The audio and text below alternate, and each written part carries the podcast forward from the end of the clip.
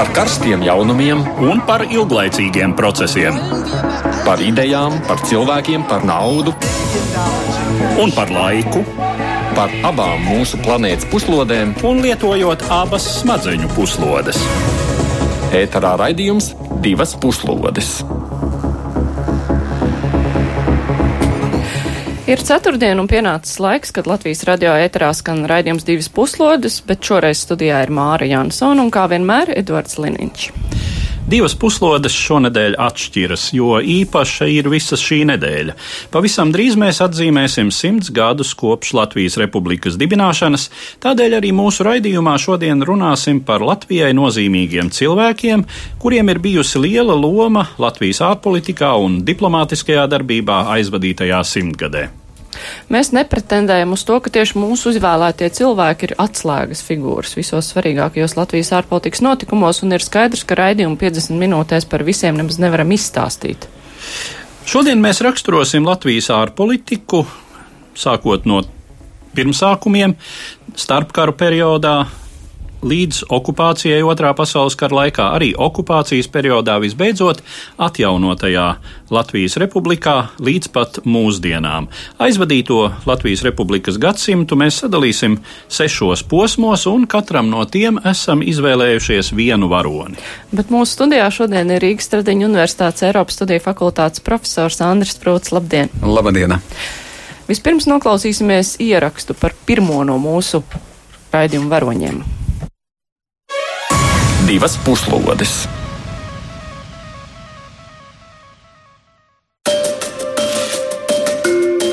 Ar Zigfrīda Annas Mērovica vārdu saistās mūsu valsts tapšana un tās ārpolitikas pamatu likšana.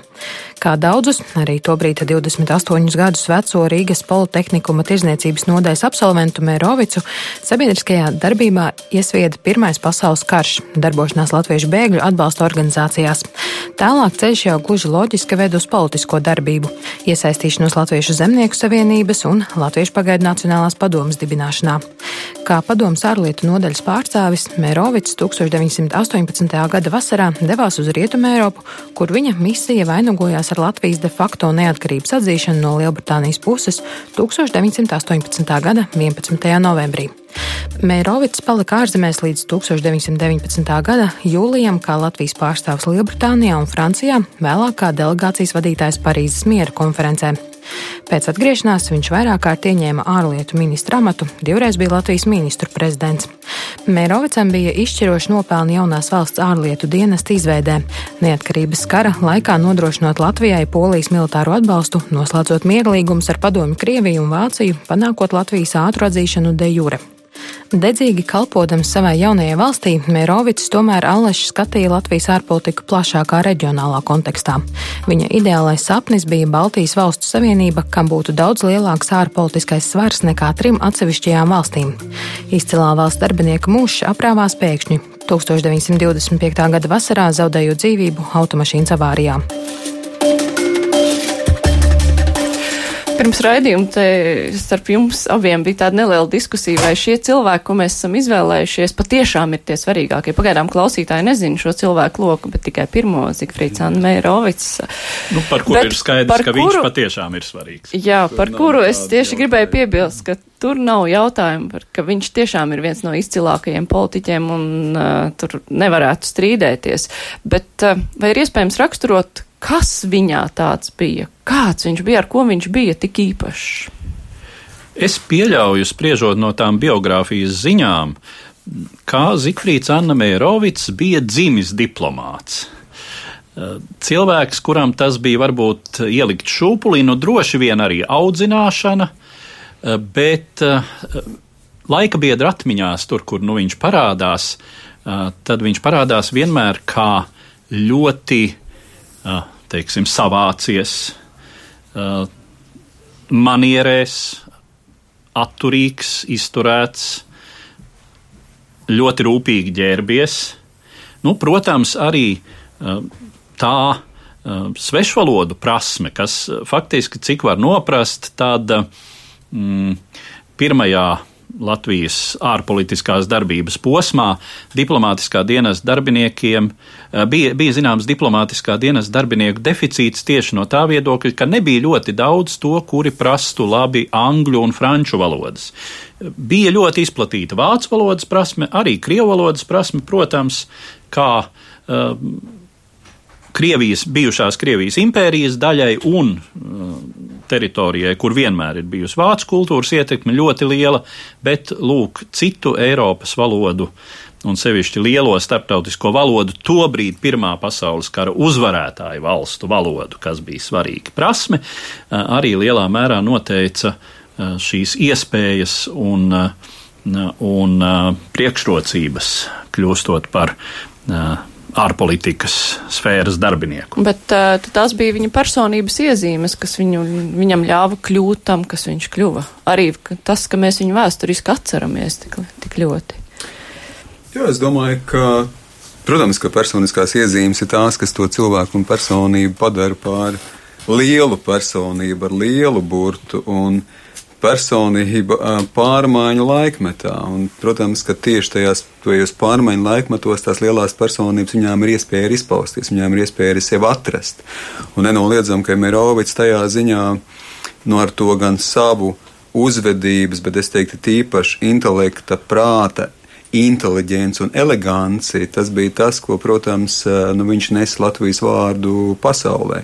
Noteikti arī tie sākotnējie ja tā var teikt, veiksmes stāsts noteikti viņam palīdzēja. Tas, ka viņš tiešām ar to savu braucienu, kas šeit arī tika minēts, viņš panāca arī Balfūra Latvijas Nacionālās pagaidu padomas šo atzīšanu kā de facto valdību. Un tas nenoliedzami ir nolika viņu kā personību, kas ir atslēgas personība, kuram ir spēja komunicēt, kas spēja atrast kopalūdu arī ar tiem potenciāliem sabiedrotiem, kas spēja realizēt darbus. Tā kā tā aura un tā harizma ir īpaši sākumā ko viņš arī teiksim, tā, spēja parādīt, noteikti nāca viņam gāja līdzi, un tas pēc inerces arī stiprināja tās tālākās viņa pozīcijas. Nu, var jau teikt, tajā pašā Parīzes miera konferencē, kas bija jau pēc Pirmā pasaules kara 19. gadā, kurā lēma par valstu likteņiem. Tāda pirmais delegācijas vadītājs bija Jānis Čaks, bet tomēr kā dvēseli, kā tas lielā mērā visu lietu saturētājs un virzītājs tieši bija Zikfrīds Anna Mērovics. Un eh, šeit eh, varbūt mazliet atkāpjoties un at, atgriežoties pie tās, pie jūsu sākotnējā teiktā, ka mums tā diskusija bija, es domāju, pilnīgi es piekrītu, ka Zikfrīds Anmērovics, nu, es domāju, ka viņš ir viens no visu laiku visievērojamākajiem Latvijas politiķiem, ka viņš tiešām ir, es domāju, ka, nu, viss, vis, teiksim tā, tas ārlietu ministrs ar lielo, lielo burtu. Es negribu arī citus kaut kādā veidā mazināt tajā savā, tajā, tajā savā efektivitātē un darbībā un rīcībā, bet tomēr es domāju, ka viņš kā pirmsācies, kas metās tajā skaitā arī pilnīgi nezināmos ūdeņos, tiešām personība lielo burtu. Tieši tāpēc varbūt es izmantošu šo iespēju un teikšu, ka tieši pēc divām stundām piecos tukumā tiek atklāts piemineklis Zikfrīdam Annam Eirovicam. Tā kā tukumnieki vai reģionu cilvēki noteikti var iet kā es saku, šo atklāšanu. Mēs ar jums, diemžēl, nepaspēsim. Jums raidījums beidzās četros, un tad mums un tiešām būtu ļoti jāsteidz, jāsteidzās uz turieni. Jā, bet vai ir iespējams raksturot, ko tajā laikā nozīmēja veidot ārpolitiku, jo pirmkārt, kādā situācijā bija Latvija, kā mūs uztvēra, jo viena lieta tas, ka Eiropā veidojās nacionālās valstis un visu to pieņēma, tajā pašā laikā, nu, mēs nebijām vēl nekas? Ļoti būtisks jautājums, jo Latvijas gadījumā eh, tas patiešām bija no nulles. Eh, priekšstats par Latviju kā valsti eh, bija nekāds, var teikt. Ja vispār, teiksim, tā nebija, tas nebija pārsteigums. Ļoti daudzos gadījumos tas bija pārsteigums par to, ka arī šajā telpā veidojas kaut kāda valstiska realitāte. Jo, ja teiksim, par Polijas valsti, Visiem bija skaidrs, ka pie jebkuras spēku pārbīdes šai Austrum Eiropas telpā eh, tiklīdz beigs pastāvēt Krievijas Romānovu impērija, Vācijas impērija un Austro-Ungārijas impērija, kas savā laikā bija Polijas valsti saplosījušas, ka šai valstī ir jāatjaunojas tādās vai citādās robežās par poļu nācijas pastāvēšanu 19. gadsimta, visā 19. gadsimta gaitā nevienam nebija nekādu šaubu latviešu nācija bija kaut kas, kam ar ko vēl, teiksim, Eiropai 20. gadsimta sākumā bija jā jāsaprot, kas bija jāsaprot, kas tas īsti ir par fenomenu. Uh, nu, nerunājot nemaz par to, ka uz šīs teritorijas pārstāvēšanu starptautiskajā līmenī pretendēja divi uh, nu, no tāda vēstures viedokļa daudz nopietnāki spēlētāji. Nu, viena tā bija Krievijas impērija, ar kuras ietekme nezuda uzreiz, un mēs zinām, ka Latvijas atzīšana de jure bija diezgan ilgs un grūts process tieši tāpēc, ka to kavēja Krievu baltās emigrācijas pārstāvji, kuri cerēja, uz ko cerēja lielā mērā ilgu laiku arī Rietumēropas eh, lielvalstis, ka atjaunosies kaut kāda vai nu Krievijas impērija, vai kāda cita Krievijas valsts tās pirmā, pirms Pirmā pasaules kara robežās. Un uh, otra, otrs spēks bija Vācu baltieši, uh, kuri sevi arī uzskatīja par šīs zemes, kuri arī bija bijuši šīs teritorijas elite simtiem gadu. Uh, un kuri bija raduši pārstāvēt un runāt Baltijas vārdā, uh, Eiropā, pirmkārt Vācijā, bet arī visā pārējā Eiropā un visā pārējā Krievijas impērijā. Jā, es domāju, ka tas, kas bija ļoti svarīgi arī šeit, kas tika teikts par to, ka noteikti daudz kas bija no mūsu gribas, no mūsu vēlmes, no mūsu personībām, bet nenoliedzam, ka tas konteksts un tā vide bija ļoti svarīga. Un te, ja mēs skatāmies un salīdzinām 18. gadu ar 1990. vai 91. gadu, tad viss cieņa arī atjaunotās Latvijas aktīvistiem, ārlietu ministriem pirmajiem, bet tomēr jau bija zināmā veidā priekštecis. Bija šī neatkarīgā Latvija, kas pastāvēja, bija jau simbolika, bija jau mentālā, uz mentālām kartēm mēs eksistējām, mēs nebijām atzīti. Daudz lielākais vairākums valsts mūs neatzina kā Padomu Savienības sastāvdaļu. Mums bija mūsu, ko mēs runāsim, kā es varu saprotu, arī vēlāk. Mums bija Kārlis Zariņš un Anatols Dinsbergs arī trimdā vai, vai okupācijas, teiksim, ārpusē. Uh, savukārt 18. gadā nekā tāda nebija tu principā pilnīgi meties nezināmos ūdeņos. Tā kā tiem cilvēkiem, kas metās tajos ūdeņos, no vienas puses tas bija tā laika skaistums. Tu biji pilnīgs pionieris tajā visā, un es domāju, ka te bija jābūt tai misijas sajūtai, kas nenoliedzami Zikfrīdam Annam ir Revicam bija, bet misijas sajūtai ar zinām vīziju un ar zinām spēju saprast savus ierobežojumus, ko tu vari realizēt un ko tu nevari realizēt, bet vienlaiks ar to ticību tai vīzijai. Bet tomēr divi arī bet, vai nu, es nevaru teikt vai bet, vai papildinājumi. Ir viens pār um, skaidrs, ka pašnoteikšanās tiesības, tas, kas mums palīdzēja.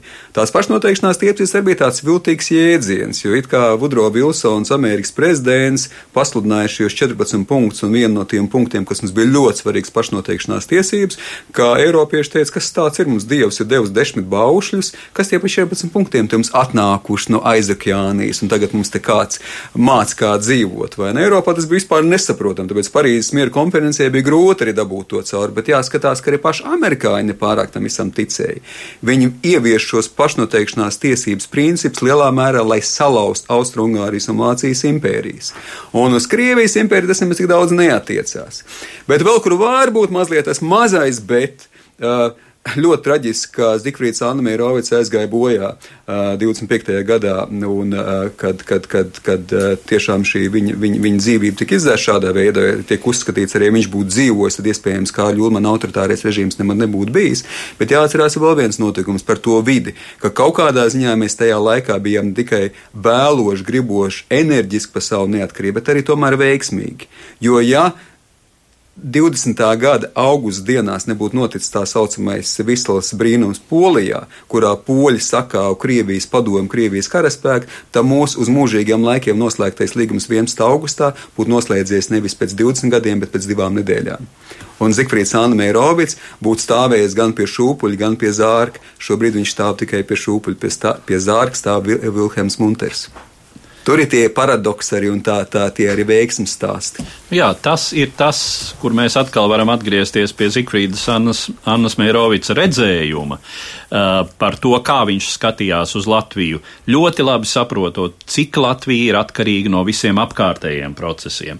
Un uh, šī Baltijas valstu antante tā laika politiskajā konjunktūrā tas izrādījās sapnis, bet būtībā tā bija ļoti nozīmīgas nepieciešamības apzināšanās, ka viena Latvija, tāpat kā viena Lietuva un viena Igaunija ir par maz, un pat, kā pierādīja realitāte, pat viena Polija ir par mazu, mm. lai pretotos destruktīviem totalitāru režīmu izraisītiem procesiem, un tas, ko Meirovics sludināja visas savas karjeras laikā, ir jāapvienojas, ir jāapvienojas vismaz trīs Baltijas valstīm, bet viņš redzēja lielāku savienību, kur ietilptu Polija un Somija, un tad jau tas būtu spēks, ar kuru varētu rēķināties un kas tiešām varētu bremzēt, bremzēt Padomju Savienības un Vācijas potenciāli izraisītus destruktīvus procesus. Protams, ka noteikti var teikt to, ka arī Meirovs gan bija sava laika personība, gan viņš vienlaikus ir domāja pār savam laikam. Un faktiski tas, kas tajā laikā nebija īsti reāli sasniedzams, teiksim, šī antanta, jo no bija ļoti liels problēmas starp Poliju un Lietuvu, un to faktiski antanta bija arī beigusies tajā pašā brīdī, kad viņi tika okupēti no Polijas puses. Uh, bet skaidrs, ka viņš dzīvoja pār tam laikam, ka tiešām rietumi ir mūsu sabiedrotie, tās ir tās mūsu civilizācijas mājas, un tā Baltijas antanta vai Baltijas valsts sadarbība ir ļoti, ļoti svarīga. Bet tur, kur varbūt viņu mazliet kritizē, skatoties teiksim, tā, tajā kopējā ļoti izcilo darbu spektrā. Viens ir tas, ka viņš varbūt bija pārāk liels ideāls priekš savu laiku, ka tās lietas bija tiešām nesasniedzamas. Un otra lieta, nu, varbūt arī tāds mazliet, mazliet interesants gadījums, ka faktiski Mirauds bija tas, kas pieteica karu Vācijai 19. gadā. Tad, kad Bermuda spēki nonāca, ja tā var teikt, Vācijas valdība paziņoja, ka Bermuda atlikušie spēki nonāk Vācu pakļautībā, tad tika paziņots, pieteikts faktiski vai pārtraukts diplomātiskās attiecības un faktiski tika pieteikts kara stāvoklis attiecībās ar Vāciju. Tā kā Latvija ir pieteikusi kara Vācija 19. gadā. Jā, to, par, ko, par ko izdevumā Latvijas diplomātija un ārlietas 20. gadsimtā ir teikts, par laimi Vācija to neņēma sevišķi nopietni. Viņiem nebija īpaši iespēja ņemt, viņi bija paši kā saka ar savām citām lietām nodarbināti, bet, bet to arī bet mazliet kā tādu fakts ir bijis. Tas fakts ir bijis, jā. jā, bet mums ir jāturpina laiks strauji iet uz priekšu ar uh, Mērovics pēcteci Ludvigs Sēju. Ludvigas sējas pirmais solis pretī diplomāta karjerai laikam gan tika spērts jau 1905. gadā, kad viņš, kā daudzi piegadnieki, devās trimdā un apmetās Francijā, te mācīdamies franču valodu un literatūru. Pirmo diplomātu uzdevumu no jaunās Latvijas valsts sēja saņēma 1921. gadā, dodoties uz Latvijas misiju Vašingtonā. Sekoja darbs Lielbritānijā un Lietuvā, bijis arī ārlietu ministrs. Neskatoties uz sējas simpātijām pret sociāldemokrātiju, 1934. gada septembrī pēc Kārļa Ulmaņa autoritārā režīma nodibināšanas sēja ticis iecelts par Latvijas sūtni Lietuvā. Par viņa autoritāti tā laika Kaunas diplomātiskajā korpusā liecina ievēlēšana par tā dekānu. Latvijā viņš atgriezies 1940. gadā, strādājis universitātē. Nacistiskās okupācijas laikā iesaisties Latvijas centrālās padomas darbībā, par ko apcietināts un ieslodzīts vispirms Salaspils, pēc tam Štuthofas koncentrācijas nometnēs. Pēc atbrīvošanas mēģinājis nokļūt rietumos, taču padomas drošība iestāžu arestēts un no 1946. līdz 1954. gadam bijis ieslodzīts padomi valsts drošības ministrijas cietumos un gulaga nometnēs. Pēc atbrīvošanas atgriezies Latvijā, kur miris 1962. gadā. Kāpēc Ludvigs Sēja ir izceļams pārējo ministru vidū? Bija 11 ārlietu ministri līdz pasaules karam otrajam. Šeit es labprāt uzklausīšu, Edvard, teikt to, jo. Jā, tā, tās varbūt ir faktiski manas, mana, tā ir mana vēsturnieka interese. Pirmām kārtām, kas man ir piesaistījis tieši Ludvigs Sējas personībai un varbūt um, tieši viņa dramatiskais liktenis uh, pēc, uh, pēc Latvijas neatkarības zaudēšanas jau okupācijas periodā, kad viņš vispirms par iesaistīšanos Latvijas centrālās padomas darbībā nonāk nacistu varas nežēlastībā un tā tad koncentrācijas nometnē uh, no kuras viņu atbrīvo polijas uh, poļu partizāni šķiet Štuthofu atbrīvoja. Un tad, mēģinot izkļūt uz rietumiem, kur ir nonākusi visa viņa ģimene, viņu savukārt apcietina padomju iestādes, un tad seko gandrīz desmit gadi ieslodzījuma, pēc tam vēl nometinājums, un pēc tam vēl Uh, labs laiks, kur viņš vienkārši pavada tur ziemeļos, uh, jo uh, nu, Latvijā atgriezties īsti nav kur. Bet, tur viņš savukārt ir iedzīvojies. Nu, šis liktenis mani saista ar, ar to milzīgo amplitūdu. No vienas puses, tā tad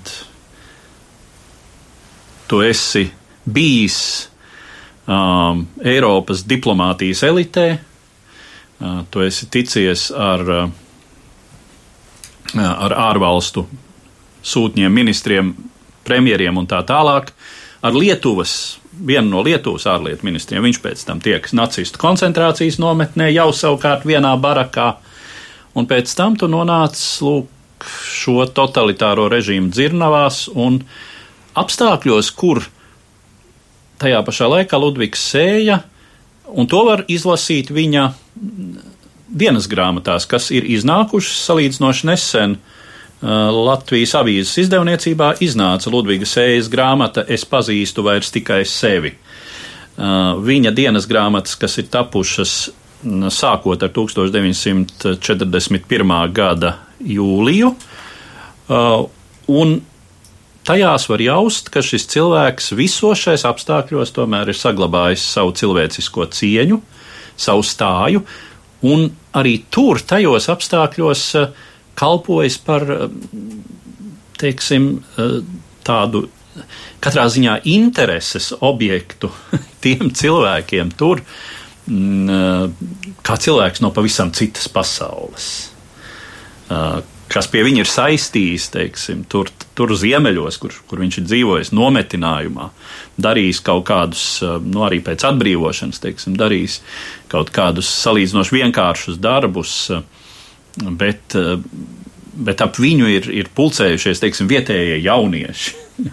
kur no viņa ir kaut ko mācījušies, kādas franču valodas zināšanas. Bet, līdzīgi. Eh, bet, ja mēs viņu esam izvēlējušies, lai raksturot Latvijas ārpolitiku pēc Meija Rovica un līdz Ulmaņa apvērsumam, ar ko bija, svari, kas bija svarīgākais tā laika Latvijas ārpolitikā, kas bija mērķi, kas bija jāsasniedz, jo mm. Mēs zinām, Tautas Savienībā Latvija bija, tas neko Jā. nedēļa pirms um, otrā pasaules kara laikā. Baltijas valstu attiecības bija sliktas. Mērovics cerēja, Nē, ka nu, tās būs Latvijas, labākas. Baltijas valstu attiecības nebija sliktas. Nebija sliktas, bet nebija tās, tik draudzīgas kā. Teiksim tā,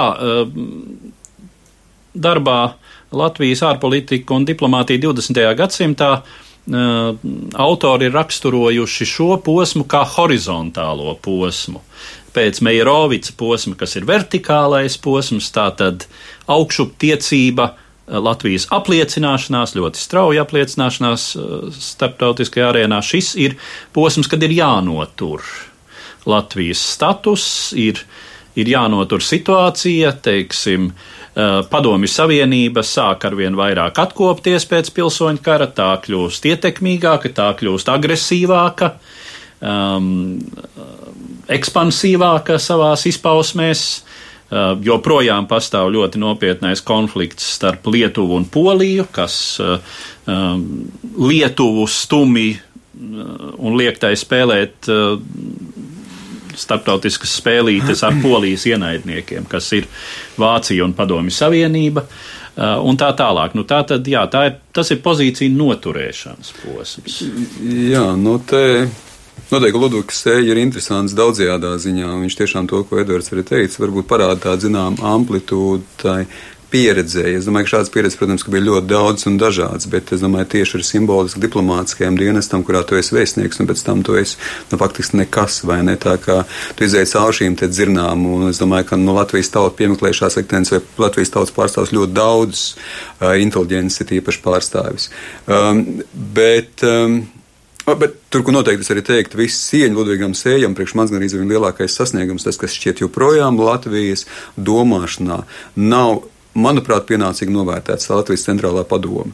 Mēs atzī, atzīmējam ļoti daudz ko, bet tā faktiski bija tiešām uh, mēģinājums pretoties divām totalitārām lielvarām. Tā tas bija pretnostatījums ne vēl tieši tā, kā Ludvigs Sēviņš bija divās nometnēs vai divās pusēs. Un tur cepur no tiem cilvēkiem, kas faktiski bezcerīgi, teiksim tā, gan izvēl simbolisku pretestību izrādīja abām totalitārām lielvarām. Uh, bet runā tomēr par tiem atslēgas momentiem, nu šeit man ir mazliet grūti saskatīt Ludvigs Sēju, teiksim tā, līdzdalību šajos atslēgas momentos. Jo atslēgas momenti ir, tur es piekritīšu noteikti Edvardam par to, ka nu, tas bija faktiski tas pats, kas šobrīd. Tā ir neatkarības, neatgriezeniskuma stiprināšana, veicināšana, drošības nodrošināšana. Man ir kā jau tāda tād skaista vārda, bet nu, Latvija cīnās, lai to, lai mēs ne tikai būtu 20, 10 vai 20 vai 100 gadus, bet lai būtu tos 200 gadus un lai būtu ilga šī mūsu neatkarība.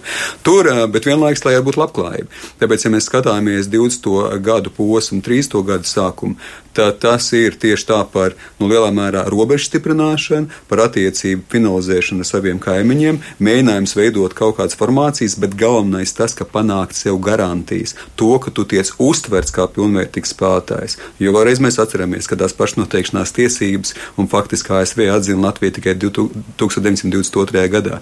Tā kā tur vēl bija ļoti daudz jāstrādā pie šīm mentālajām kartēm, lai vispār ticētu, ka tāda Latvija eksistē. Jo bija arī cits valsts kā Gruzija un Ukraina, kas past pastāvēja kādu brīdi, viņam beidz eksistēt.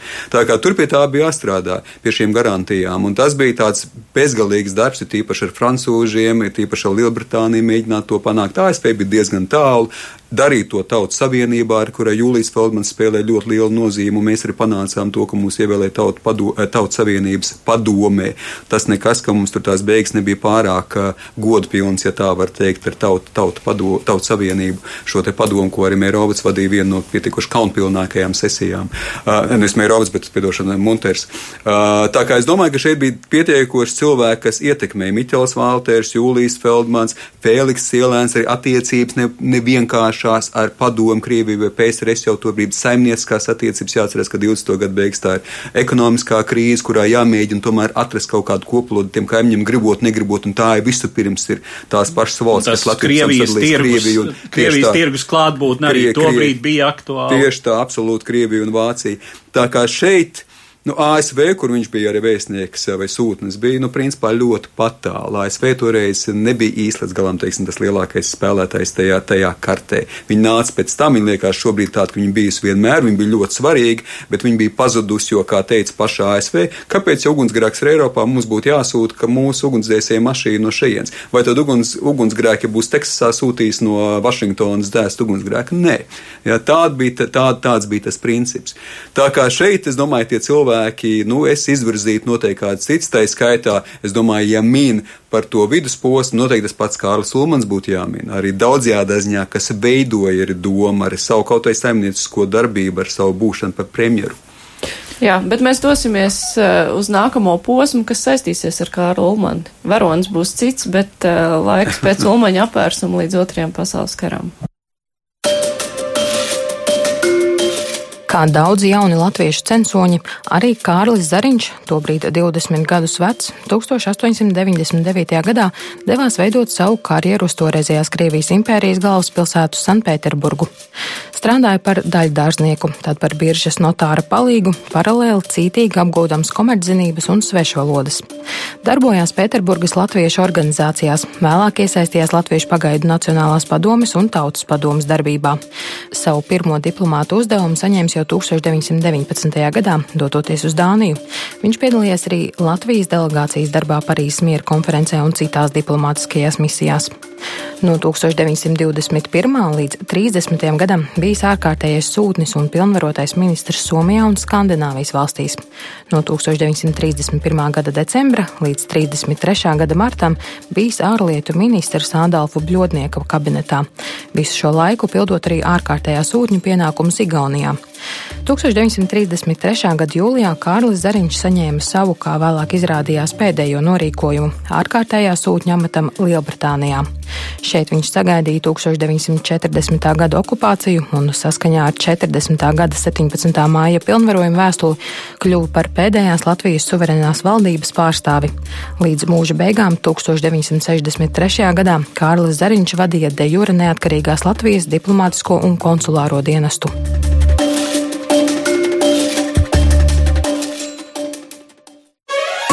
divas puslodes. Tātad kā ar Kārlis Zariņš. Jā, ja Kārlis Zariņš varbūt es mazliet turpināšu to, to, to varbūt mazliet, ja tā var teikt, kritisko elementu pieeju.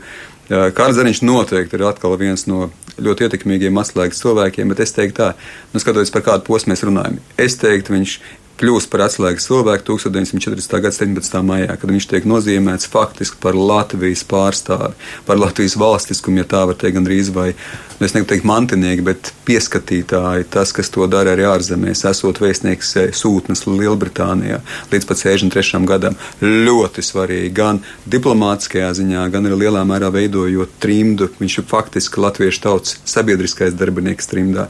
Tā kā viņš iemiesoja kaut kur Latvijas valstiskumu. Bet tomēr, ja es atkāpjos pussolīt atpakaļ, nu man šķiet, ja mēs runājam par Zikfrīdu Anmērovicu kā cilvēku, kas bija pie Latvijas neatkarības un starptautiskās atzīšanas šūpuļa, nu nevar tad nerunāt par to, kas arī bija pie Zārka vai pie tiem kapsvētkiem cik nu var nosaukt par svētkiem. Tas ir, protams, Vilhelms Munters. Un atkal Vilhelms Munters ir ļoti traģiska personība daudzajā ziņā.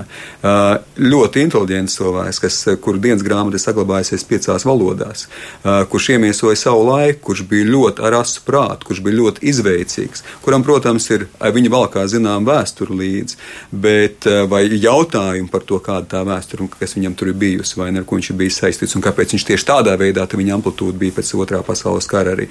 Bet eh, tas, ka tiešām Latvija panāca, panāca arī šo Tautas Savienības padomus klātsamību. Tas, ka tajā laikā tika arī noslēgta vienošanās starp Latviju, Lietuvu un Igauniju. Uh, faktiski Munters bija jau no 30. gada sākuma reālais arī saimniecisko sarunu vadītājs ar Krieviju 30. gada sākumā, vēl pirms pat kā Ļulmaņa uh, apvērsuma. Tā kā Munters, viņš ir, viņš ir lielā mērā tā laika traģēdijas viens no traģiskām personībām arī. Es negribu tagad viņu padarīt par baltāku nekā viņš noteikti ir, jo tur ir ļoti daudz kļūdas, un teiksim, tas, kad ir noslēdzot līgumu ar Krieviju, tas tika slavināts gandrīz vai ka šeit mums ir lieliska sadarbība ar Padomu Savienību, faktiski bija skaidrs, ka tas ir okupācijas un principā Latvijas neatkarības beigu priekšvēstnesis, bija salīdzinoši negloži ar godpilnu, ar diplomātiski zaudētu neatkarību, kurā tika izrādīts viss prestižs arī Padomu Savienības faktiski diplomātiskajiem korpusam un ienākušajiem, ja tā var teikt, delegācijām. Faktiski ne, ne, netika izrādīta diplomātiskā pretestība, bet arī šis viens lēmums par, Zikfri, eh, par Kārļa Zariņu nozīmēšanu. Tur gan arī vai to var iezīmēt atkal vai ierakstīt lielo plusu sarakstā, ka tomēr mēnesis pirms neatkarības atzīšanas bija šis lēns par kāļu zariņu nozīmēšanu pār, teiksim, faktiski Latvijas visu interešu pārstāvi pasaulē. Bet ja mēs runājam par Latvijas ārpolitiskajiem sasniegumiem jau uz to laika brīdi, ja 20. gadu sākumā daudzi neticēja, ka Latvija vēl var pastāvēt, tāpat Lielbritānija tur runāja, ka visticamāk Krievija paņems vai Polija, nu, bija izteikts bēdīgs prognozes, ka Baltijas, ka Latvija nevarēs ilgi pastāvēt.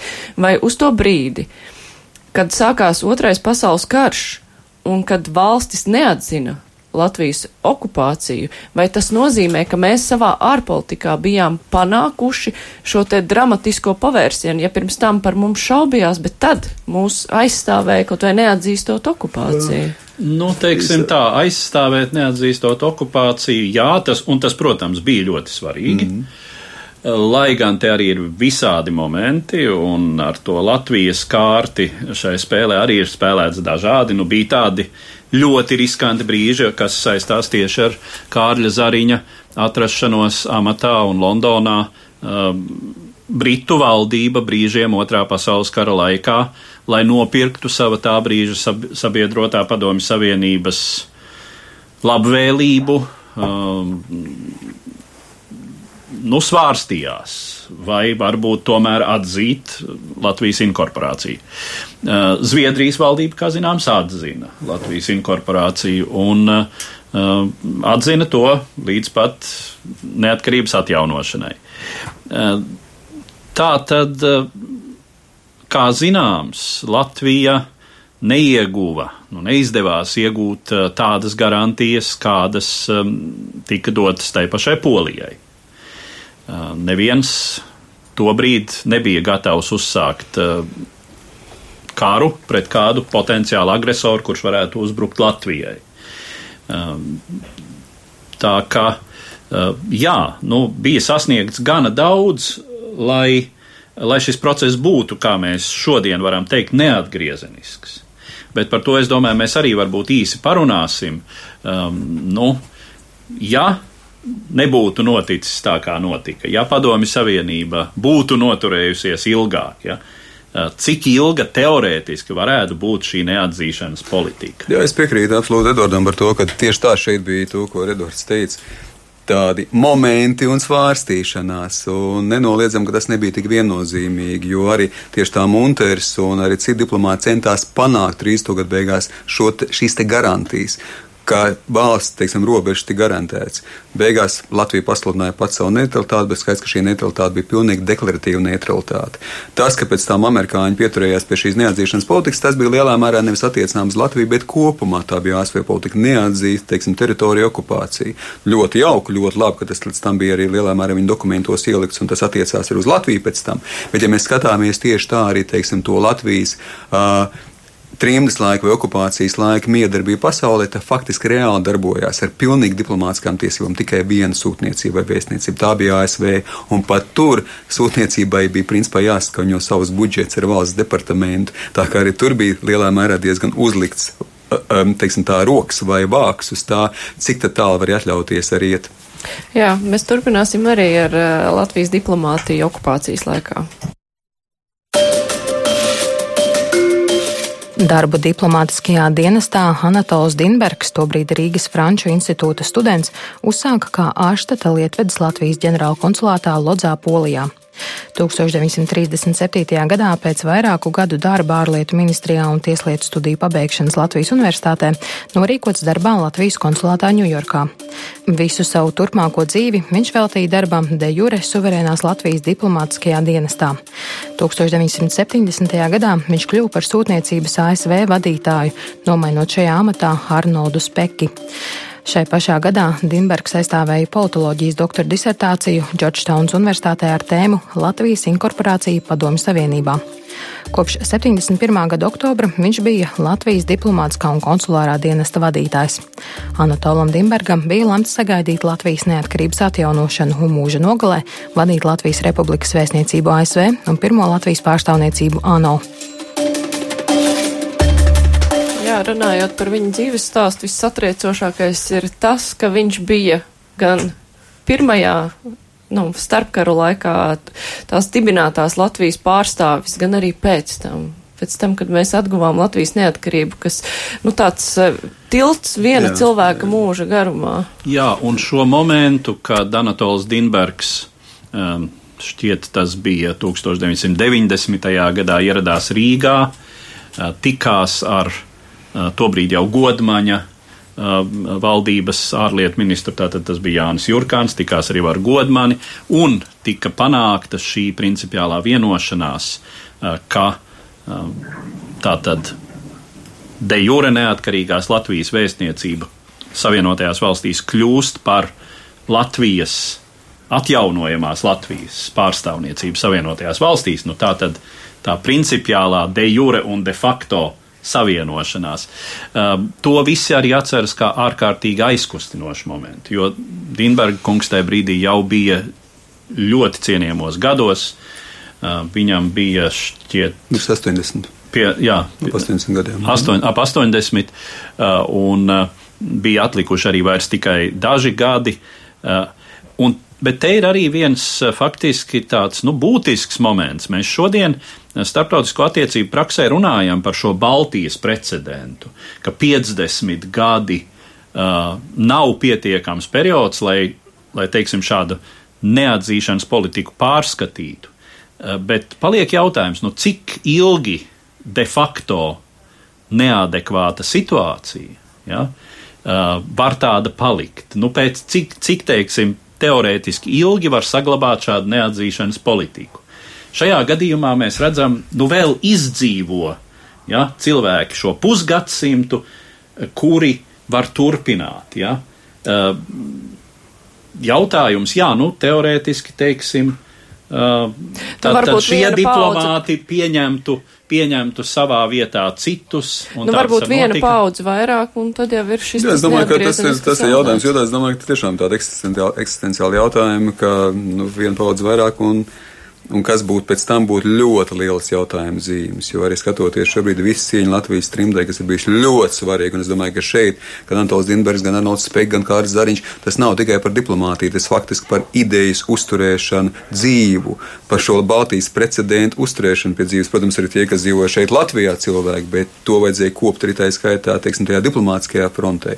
Un tas nenoliedzami, ka tik darīts visā pasaulē un starptautiski. Un to, ko jūs teicāt precīzi, ka viņš ir bijis kā tilts, bet nu, tilts ir dzimis un bijis vēl kā diplomāts tajā pirmajā vai neatkarīgajā Latvijā starpkara posmā, un viņš ir kā tilts uz to, bet faktiski, ja viņš ir nomiris 93. gadā, nu, ja būtu pagājuši vēl 20 vai 30 gadi, tad mēs jau skatāmies arī šobrīd, teiksim, trimdu. Viņi ir jau ļoti, ļoti ierobežoti. Amerikā nobalsoja 3000 mūsu pēdējās vēlēšanās.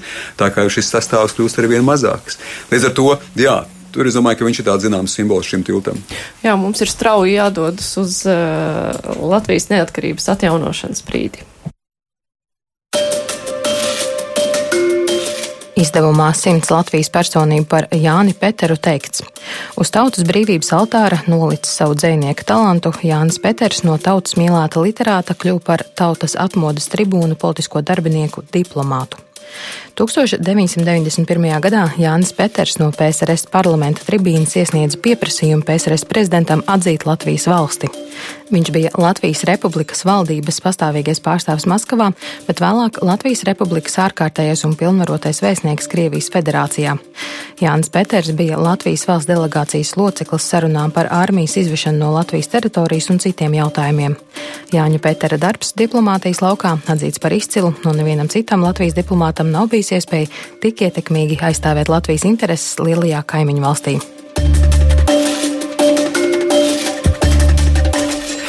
Kāpēc Jānis Peters un devās uz Krieviju? Nu, tur bija noteikti sava loģika. Nu, Tātad viņš eh, bija ievēlēts PSRS augstākajā padomē no Latvijas, tajā sastāvā, kas bija jau šī demokratizējošā um, PSRS augstākā padome. Um, un, protams, viņam bija jau agrāk iedibināti sakari, viņš pazina ļoti daudzus uh, kultūras darbiniekus gan Krievijā, gan citur bijušajā padomju telpā. Te ir jāsaprot, ka šiem kultūras sakariem padomju periodā tiem bija ļoti liela nozīme. Tā izskaitā veidojot tā saukto intonatīvo opozīciju, tas ir pretošanos padomju sistēmai, spēlējot pēc šīs sistēmas noteikumiem, rakstot ezopa valodā starp rindām un rēķinoties ar to, ka uh, starp rindām prot lasīt auditorija, uh, un taiskaitā tāda saspēle notika starp uh, šīm PSRS mazākajām tautām, lai atspē, apspēlētu to unificējošo monstrozo padomju sistēmu. Šīs sistēmas uh, sastāvdaļa bija Jānis Peters, ļoti labi prata spēlēt pēc šiem noteikumiem.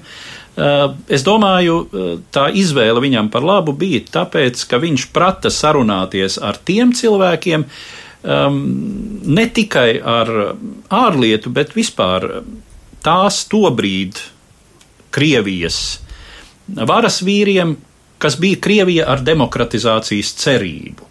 Tā bija vēl Jeļcina Krievija, un vēl salīdzinoši jauna, spēcīga un arī uh, cerību spārnota Jeļcina Krievija. Tā tad izvēle bija veiksmīga. Jā, izvēle bija veiksmīga, un izvēle bija, es pat teiktu, diezgan pašsaprotams. Varbūt apgriezt pat jautājumu otrādi, kur tad vēl, ja ne uz Krieviju? Tā, citur devās palika Anatols Kur tad vēl, ja ne Peteru?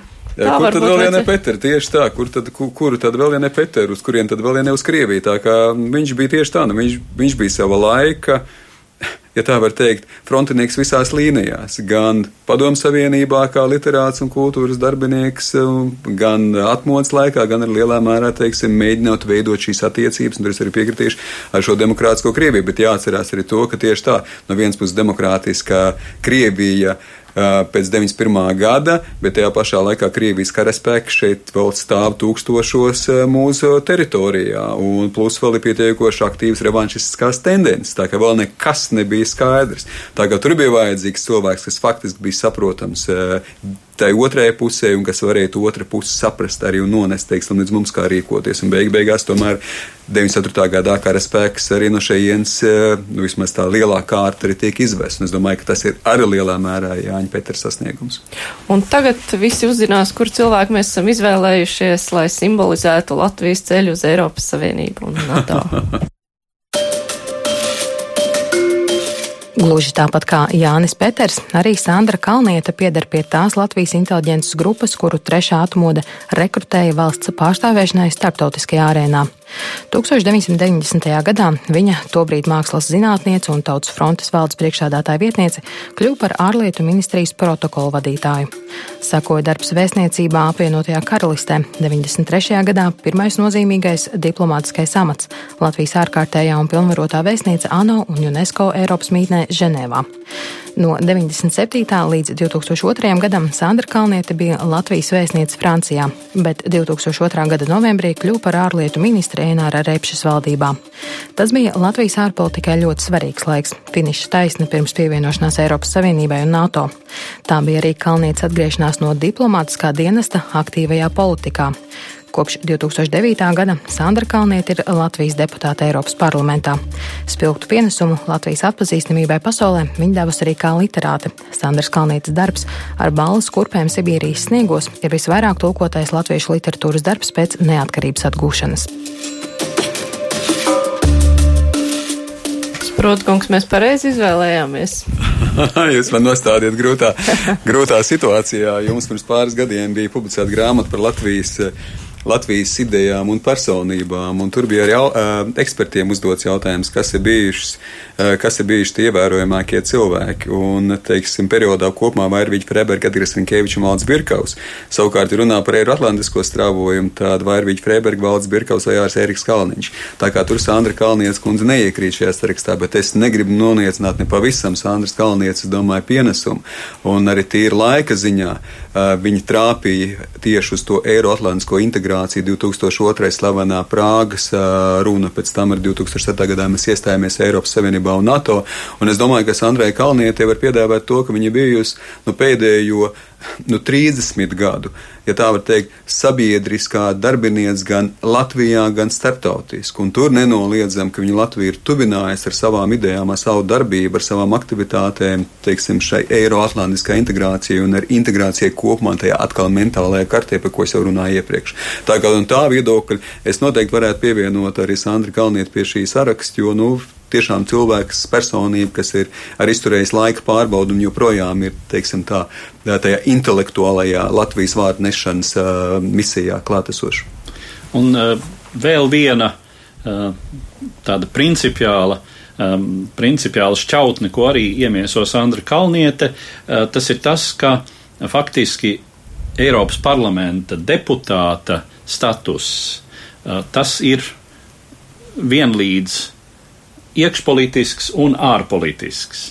Uh, un tas ir tas moments, uh, līdz kur izpratnē mūsu sabiedrība vēl tā palēnām aug, uh, ka, teiksim, mm, klātbūtne tur, Eiropas struktūrās, tā nav no Latvijas jāskata īsti kā ārpolitiska, un tajā pašā laikā, nu, tās intereses, kuras tur tiek pārstāvētas, un tā izpratne, tā domāšana, tā vairs arī nav un nedrīkst būt tāda Latvijas sīku, iekš Latvijas interešu domāšana.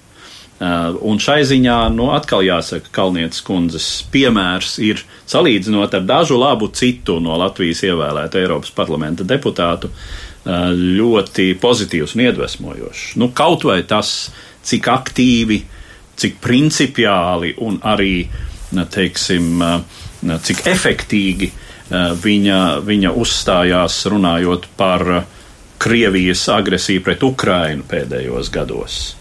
Um, atgādinot, teiksim, Eiropas parlamentam šai gadījumā neiesnausties, uzturēt, uzturēt šo principiālo nostādni. Bet, ja mēs paskatāmies uz Latviju pēc iestāšanās NATO un Eiropas Savienībā, līdz mūsu laikam, nu, šie te milzīgie mērķi ir sasniegti. Mm -hmm. Tajā pašā laikā pasaule apkārt ir tāda, nu, nevisai droša, tad tas ir mūsu galvenais mērķis, lai mums ir daudz drauga, lai par mums runā, lai mūsu intereses ievēro, likt sevi neaizmirst.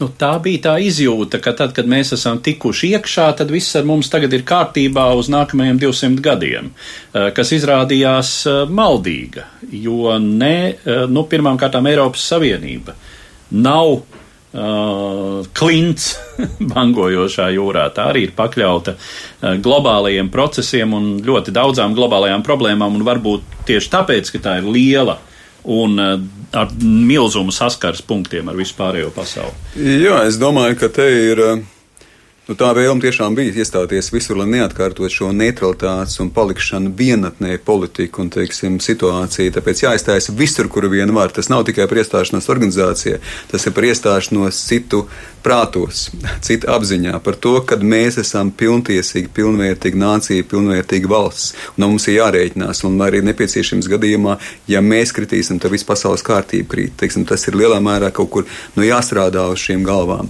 Bet, uh, pasauli, mēs esam visur iestājušies, tajā brīdī šī pasaule jūg mazliet pa vīlēm es negribu pārvērtēt un pārspīlēt un dramatizēt, bet mēs redzam, kas notiek gan ar Eiropas Savienību, gan, teiksim, ar citām organizācijām. Šobrīd nav organizācija principu priekšplānā. Un, bet no otra vieta, no otras puses var teikt, ka beidzot mēs realizējam normālu ārpolitiku. Jo līdz pat 2004. gadam mums bija viens ārpolitiskais mērķis - Eiroatlantiskā integrācija. Vispārējais bija pakārtots. Pēc 4. gada faktiski mums ir jāsāk manevrēt. Sākotnēji manevrēt mazliet uz vienu uz otru pusi, dažkārt ar amerikāņiem, dažkārt ar eiropiešiem. Šobrīd tās manevru iespējas jau ir daudz, daudz nopietnākas, kur mēs izvēlamies gan paša Eiroatlantiskā integrācijas ietvaros, Polija, Zviedrija vai ASV, vai to, ko darīt ar Krieviju. Un šeit tāpēc es tomēr izvirzītu priekšplānā, ja man tomēr vajadzētu uz pašām beigām personību, un ne tāpēc, ka tas ir šī brīža ārlietu ministrs, bet man šķiet, ka Edgars Rinkēvičs faktiski iemieso šo laiku izaicinājums. Gan kā visilgāk, ilgāk kalpojušais ministrs, jā, gan arī saskaroties šiem izaicinājumiem. Jā, Andris Sprots, Rīgas Rīgas Stradiņa universitātes profesors Edvards Liniņš un Mārija Ansone veidoja šo raidījumu, to producēja Ieva Valēna. Vislabāk! Divas puslodes!